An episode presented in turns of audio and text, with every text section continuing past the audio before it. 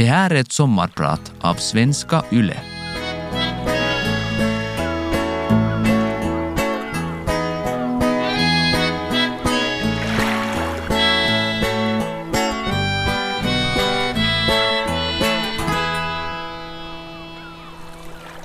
Mina kaverin luktar skit. Min katt luktar skit. Alla mina pojkvänner har luktat skit. Poliser och politiker luktar skit. De som jobbar vid mitt förlag luktar skit. Alla i min omgivning luktar egentligen skit. När jag går genom akademins korridorer där professorer, doktorander, licentiater och studenter svettas ut sin intelligens så storknar jag nästan av alla lukter. Jag har alltid haft ett väldigt känsligt luktsinne och det var inte förrän jag fick min diagnos om att jag har en autismspektrumstörning som det klickade om varför allting luktar så mycket. Jag ogillar egentligen att prata om att jag har autism. Trots det har jag pratat väldigt mycket om autismspektrat det senaste året i offentligheten. För mig har det varit ett sätt att acceptera min autism, att få berätta hur mitt sätt att se på mig själv ser ut inför andra har gjort att jag blivit mer säker i vem jag är. Stora delar av mitt liv har jag tänkt att det är något fel på mig när jag inte alltid klarar av att passa in i det sätt som man ska göra. Att få berätta om hur jag ser på världen har varit något som stärkt mig i den person som jag inte har vågat vara förrän rätt nyligen. Mitt namn är Rosanna Fällman och jag är dagens sommarpratare. Midsommaren 2018 deltog jag i en fest mitt i skogen någonstans utanför Tammerfors. Vi enterrassat festen och sjöng kända metalldängor, drack sprit och firade en högtid som symboliserar melankoli. Festdeltagarna bestod av min dåvarande pojkvän och hans kaverin. Deras sätt att skämta blev grövre ju mer dryck som rann ner för strupen. Klockan tre på morgonen började de prata om hur dumma de tycker att autister är. Hur personer med autism inte borde få bo bland alla andra hur personer med autism borde gå i specialskola oavsett vilken typ av person det är frågan om. De pratar om stereotypen att personer som är på spektret skulle vara genier på specifika områden. De här killarna föreslog att kommunerna i Finland borde placera ut personer med autism så att de kan fungera som databanker inom olika specialområden. Liksom använda personerna så att de skulle vara till någon samhällelig nytta. Jag satt tyst bredvid och visste inte alls vad jag skulle säga. För mig lät den idén extremt nedvärderande och generaliserande. De här killarna började därefter hån varandra för att vara autister på grund av gamla anekdoter om dumheter i högstadiet. Du var nog så satans dum i högstadiet, du måste ju ha varit autist. Det är ju bra att vara lite autist men att vara fullblown autist som du var då, det är ju nog fan pinsamt. Jag brast av att höra de här orden som formades kring det jag är, hur min diagnos, hur det jag är användes som ett skällsord. I mitt huvud så eka orden pinsamt autist, pinsamt autist, pinsamt autist och min hand greppade en Suomi-vina-flaska och jag vinglade iväg från den här terrassen och började gå rakt ut i skogen rakt ut i inte. Jag for bort från den databank de ville placera mig in i. Munnen formades runt flaskhalsen, benen snava kring stenar och buskar. Jag visste inte var jag var och det enda jag hade var den där flaskan. Till slut ramlade jag ner i ett dike och låg omgiven av blåbärsris med sprit utspilld i mitt rosa hår. Jag låg och smakade på de där orden. Autistisk databank. Jag kände mig nog inte direkt som något geni där jag låg bland blåbärsriset. Den unga Tammerforsmorgonen grydde och jag smakade på ordet autist. Och jag smakade på ordet spektrum. Jag smakade på spriten igen och låg med samma igen i buskarna efter att ha försökt ställa mig upp. Så jag tvingade mig själv att hälla orden över mig. Låt mig äga dem, låta mig vara dem utan att skämmas. Jag smakade på orden tills de inte längre gjorde ont. I Finland så är ungefär en procent av befolkningen intellektuellt funktionsnedsatt. Jag är privilegierad på det sättet att jag inte har behövt stor assistans och jag har klarat av att gå i så kallad vanlig skola. Emellertid har jag varit med om mycket mobbning från andra individer som är neurotypiska just på grund av att jag stundvis avviker från normen. Exempelvis har jag alltid varit fatalt dålig på jumpa eftersom jag haft en del lindriga motoriska svårigheter. I det finska skolsystemet så tycks stor del av undervisningen gå ut på att vara duktig och bäst. Vi blir värderade i siffror som kallas till betyg och om man får tillräckligt många tior så kanske man får ett stipendium eller om man får ett laudator kanske man skyfflas in på banor som kan ge en höga siffror i lön. Därför undrar jag om livet som vi förväntas leva går ut på att tävla. Att mäta varenda centimeter av höjdhoppet, att visa betyg efter skolavslutningen åt mamma och pappa. Titta hur jag platsar på skalan av normalitetens siffror. Mäta att siffrorna faktiskt är lika som alla andras. Få lika mycket lön som barndomskompisen, ha lika många bilar på gården som alla andra. Går livet faktiskt ut på att jämföra sig i en sorts tävling? En tävling som verkar vara en vardag jag ska sträva efter. Jag har vunnit ett par poetry slams och dessutom första pris i Arvid Möne-tävlingen år 2018. Min debutbok Strömsöborna utkommer nu i september och det gör den på grund av att jag kravlat mig till den positionen för att jag kämpat mig genom etapper av att få bli sedd, att få höras, att öva upp mitt skrivande till en nivå som har klarat sig genom olika spärrar av social konstruktion. Trots att jag är emot tävlande och att jämföra mig med andra har jag gjort det för att få leva ut mina kreativa drömmar jag har följt de krav vi sätter på folk bara för att jag ska ha en chans att kunna arbeta med det jag trivs med.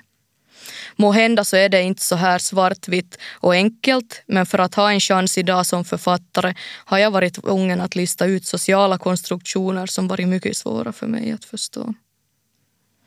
Trots att det gått så bra för mig i livet som vuxen har jag fått höra att jag är underlig och att jag inte fungerar socialt så som man ska. Vilket nog egentligen är sant, men jag ser inte något fel med att ha personer i vårt samhälle som är kreativa både i sina tankesätt och hur de rör på sina kroppar. Vem är det som egentligen är stöd och finns det överhuvudtaget någonting som kan kallas till normalt? Förmodligen inte. Alla har vi någonting som får oss att känna utanförskap. Det kan vara en diagnos, en sjukdom eller att just se annorlunda ut. Att våga ifrågasätta den här tävlingen som kallas vardag har varit svårt för mig. Eftersom jag alltid velat ingå i den här tävlingen på grund av min autism har jag försökt kompensera de områden som jag inte behärskar och istället bli perfekt inom de områden jag är bra på. Det här har lett till att jag arbetat många timmar på att skriva och på att prata i spegeln för att se hur jag uppfattas av andra. Jag har övat mig på hälsningsfraser och att se folk i ögonen bara för att få räknas som en del av det sociala spel den här tävlingen fungerar inom. De funktionsnedsatta personer som blir insatta i den ena procenten har svårare att uppnå de krav som vi sätter på folk och därför hamnar de utanför. I Finland kan de intellektuellt funktionsnedsatta vuxna individer spendera dagarna vid så kallade sysselsättningsställen där de utför arbetsverksamhet. Där gör de arbeten i princip gratis, såsom att hugga ved eller montera ihop plaströr till företag. För en dags sysselsättningsarbete får de en ersättning på ungefär 10 till 12 euro. De måste själva bekosta lunch och mellanmål vilket gör att den 10 euro som fås per dag går åt att få näring i sig. Det här betyder att ingen egentlig ersättning för det sysselsättningsarbete som görs inkommer. De här personerna får förstås andra stöd och ofta pension men de summorna är verkligen inte något att skryta med. Trots att jag inte är en av dem som tillhör den här ena procenten har jag ändå varit tvungen att öva upp mig själv så att jag ens ska få vara med i tävlingen som vi tävlar i. Att livet utgår ifrån att kämpa sig uppåt är enligt min mening negativt. Det gör att alla inte har en rättvis chans från första början. Att personer som har svårt att klara av vår tävling inte får ordentligt betalt för det de gör om dagarna är förkastligt och rent av omoraliskt. Nu kommer jag läsa upp ett par dikter ur min diktsvit Störd som handlar om den procent individer i vårt land som är avvikande på ett eller annat sätt. En procent. Vad är normalt? Den frågan brukar folk tycka att är lite svår och jobbig. Det brukar nämligen inte finnas ett svar på den frågan. Definitionen av normal enligt Svenska Akademins ordlista låter så här. Normal, regelrätt som sig bör, vanlig, genomsnittsordinär vid sina sinnens fulla bruk, fullt klok. En störning i vårt myller av människosystem. Utvecklingsstörd. Det finns celler i hjärnor som är ihopknutna, det går nerver som inte fungerar. En störning stör, störa, det är ju någonting störande. Är felkopplade celler störande? Intellektuell funktionsnedsättning är den korrekta termen nu för tiden. Intellektuell kan tydligen vem som helst vara. Endast en procent av Finlands befolkning är funktionsnedsatt, 99 procent är resten och de ska tydligen fungera bättre. Trots att folk blir insatta i procent så verkar de ändå fungera. Man kan tänka och man kan, man kan vara mer än en procent. Jag brukar inte berätta att jag är sjuk. Det brukar jag låta folk lista ut själv. Det har jag märkt att folk ofta tar illa upp vid. Lättare är det att anpassa sig från början än att märka någon störning efterhand. Många får en annorlunda blick när de får det på svart och vitt. Det är obehagligt att inte förstå någon annans tankesätt. Lättare är det att skratta och håna. När jag gick på femman så skrek några pojkar från klassen åt mig att jag var sjuk i huvudet. Jag visste inte riktigt vad de menade med det så jag for fram och frågade. Så skulle den mobbade inte göra. Den mobbade skulle skämmas och helst gråta för önskad effekt. Enligt dem fanns det såna sjuka som skar sig i armen och sen så fanns det såna som mig. Jag förstod inte varför det blev de med oss, eller kanske rättare sagt de mot oss. Det var då jag blev insatt i den här ena procenten och dessutom fick klart för mig att det var bättre att vara en av de 99. Det fanns en gråvit katt på vägen hem från min skolväg. Den kom ofta fram till mig. Jag satt och höll den här katten i famnen och sa Du kanske också är sjuk. Är det därför du vill vara med mig? Det är svårt att låtsas vara normal. Det är svårt att härma resten av alla 99.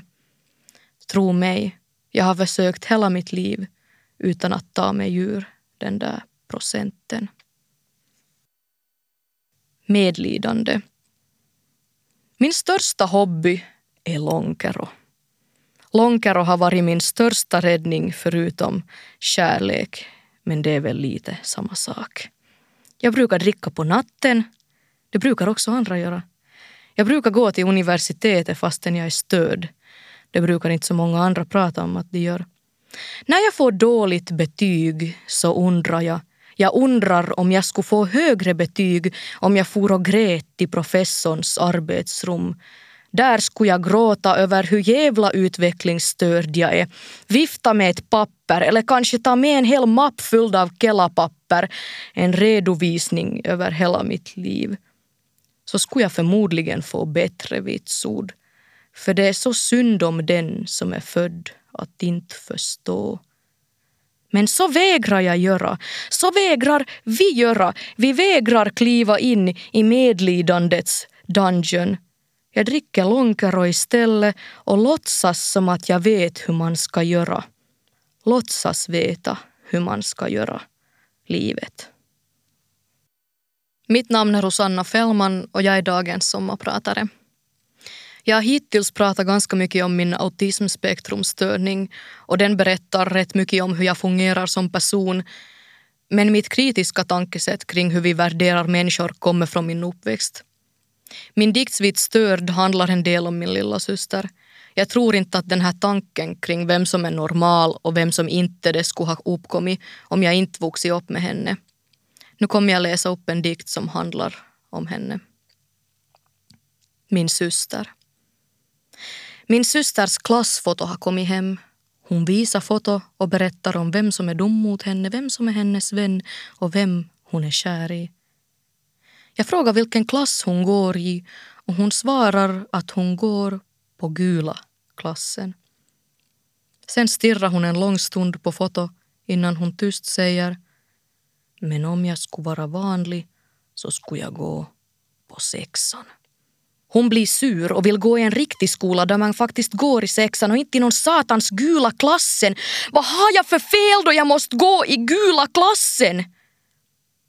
Jag blir helt ställd. Hur ska jag förklara att hon är grovt utvecklingsskadad? Så jag säger de termer man lärt mig att säga. Du har en utvecklingsskada och dessutom epilepsi men förutom det så är du rätt felfri. Min syster blir sur och skriver i sin dagbok att jag inte kan förstå eftersom jag inte behöver gå i gula klassen. Min systers allra sista klassfoto har kommit hem. Jag frågar henne vem som är dum mot henne, jag frågar vem som är hennes vän och jag frågar vem som hon är kär i. Min syster säger att ingen av dem uppfyller de kriterierna för att alla är idioter. Hon säger att hon själv också är en idiot. Jag frågar henne vilken klass hon går i och hon svarar att hon inte riktigt längre vet.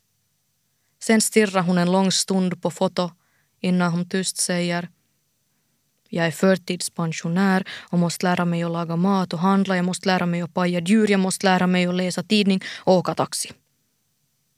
Så frågar hon mig varför jag får köra bil och laga mat och paja djur helt själv. Jag blir helt ställd. Hur ska jag kunna förklara att alla människor är olika? Så jag säger det som man lärt mig att säga. Vi är olika typers människor och därför är vi kapabla att göra olika saker. Min syster blir sur och skriver i sin dagbok att hon hatar Gud. Min syster lever med den smärtan att höra negativa kommentarer som folk inte tror att hon förstår. Min syster lever med det att inte få bestämma över sig själv om det som henne angår. Min syster lever med den smärtan att förstå sig själv och sitt liv men ändå vara tvungen att gå hem med en massa kelapapper där fonten går i kursiv. Min syster får inte vara sin egen förmyndare. Min syster sa häromdagen att hon måste ha gjort någonting fel då hon är så här och därför är hon en syndare. Så jag frågade vad som hon tror att hon har gjort och vad som egentligen har hänt. Hon sa att hon skiter i vad som egentligen har hänt. Att det enda hon önskar sig är att få vara sitt livs egna dirigent. När jag var tio år gammal hade jag blåmärken på armarna från att ha blivit nerknuffad i trappor och kastad mot cykelställningar av ett par pojkar från klassen. Under den tiden kallades jag dagligen till äcklig, ful och utvecklingsstörd. När jag inte klarade av att höra de här kommentarerna och lät tårarna rinna så hånades jag för att jag inte klarade av att bli kallad till det jag ansågs vara. Det var inte bara pojkar som deltog i mobbningen.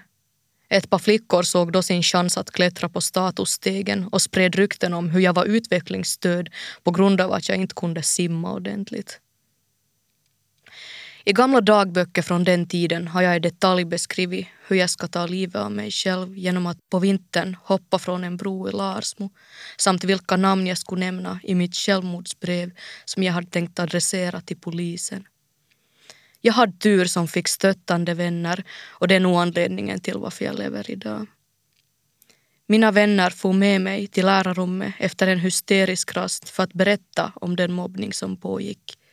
I lärarrummet bröt jag ihop totalt och låg på en matta och hyperventilerade. Jumpaläraren stod lutad över mig och försökte lugna ner mig. Min klassföreståndare kom in i rummet och frågade av jumpaläraren vad det var frågan om. Jumpaläraren svarade med Rosanna har nog bara blivit lite retad igen. Hon pjassar sig bara. När klassen skulle på utflykt och läraren hade hyrt en för liten minibuss var vi tvungna att sitta ihoptryckta ovanpå varandra i den. Personen som brukar ropa mest glåpord åt mig blev placerad bredvid mig i minibussen. Han skrek åt busschauffören att han inte ville sitta bredvid mig för att jag var så hemskt ful och efter i huvudet. Chauffören kom då fram till oss och sa jag ser inget fel med den här flickan du kan inte säga såna saker åt folk, de kan bli ledsna. Det här var första gången en vuxen hade gått mellan mobbningen Och när jag kom hem så grät jag för den överväldigande tacksamhet jag kände över att en vuxen hade sagt emot. Kommentaren om att jag bara fånar mig har fastnat i mig. I tonåren har österbottnisk hälsovårdspersonal sagt liknande till mig när jag berättat om psykiska svårigheter jag lever med. Vilket förmodligen är orsaken till varför jag tog tag i min psykiska ohälsa först i 20-årsåldern. Jag tror att jag inte skulle vara lika sjuk idag om flera vuxna än busschauffören hade sagt emot diskrimineringen. Det värsta var kanske att inte bli tagen på allvar och det har gjort att jag haft svårt att lita på auktoriteter. Men jag har i efterhand insett att mobbning heller aldrig tar slut om stora strukturer inte börjar ses över. Hela systemet vi lever i baserar sig på att vi hackar ner på dem som behöver mest hjälp och drar nytta av dem. Jag talar naturligtvis om kapitalism. Den form av kapitalism vi har idag grundar sig i att väst utnyttjar ungefär resten av världen och drar sedan ekonomisk nytta av det. Varifrån tror ni att en tioåring drar idén om att håna den som är svagast? Från de stora ekonomiska strukturerna faller de ner till så små saker som att tioåringar knuffar ner den psykiskt sjuka klasskamraten i trapporna. Att det politiska klimatet vi har lutar åt ett visst håll syns ju såklart i hur barn behandlar varandra. Jag tror inte att det är något djuriskt med att mobba varann. Det är makt som det handlar om och hur vuxna ser på makt, det är sånt som barn snappar upp och härmar. Det samhällsklimat vi lever i just nu förespråkar hat och att vi är elaka mot varann. Att jag blivit mobbad som barn och även senare i livet baserar sig på de värderingar vi har. Att vi värderar pengar och makt framom medmänsklighet och empati gör att skadliga strukturer upprätthålls. Det här har vi normaliserat. Att livet automatiskt ska vara svårare för vissa som om det skulle vara naturligt. Det är inte naturligt. Vi som människor skapar det här systemet och det är inte nödvändigtvis det mest lämpliga. Det är i alla fall inte någon naturlag som skapar det utan det är vår girighet som gjort att vi lever i det vi har just nu. Att lärare lär sig hur man ska hantera mobbning vet jag inte om egentligen hjälper i längden när det handlar om inrotade strukturer. Det är vuxna människor som borde behandla varandra med respekt och på ett jämlikt sätt. Men sånt händer inte när pengar och makt är viktigare än medmänsklighet. Det är en ledsam tanke jag går med, att det aldrig tar slut. Och det tar ju aldrig slut om majoriteten inte säger emot. Jag vet att inte alla kommer att tycka lika som mig angående hur samhället fungerar. Men jag hoppas ni som lyssnar fått er en tankeställare kring varför vi agerar som vi gör och varför vissa individer hamnar utanför i vårt system av att normalisera människor. Folk blir insatta i procenter och olika grupperingar. Det vi alla har gemensamt är att vi vill bli förstådda.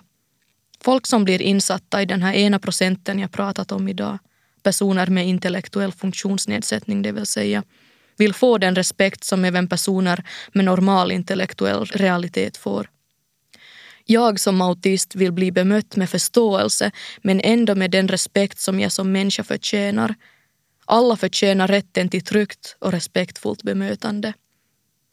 Mitt namn är Rosanna Fällman och jag vill tacka alla som tagit sig tid för att lyssna på mitt sommarprat. För mig betyder det mycket att just du har velat lyssna på mig. Som avslutning vill jag läsa upp ännu en dikt ur Stöd. Störd.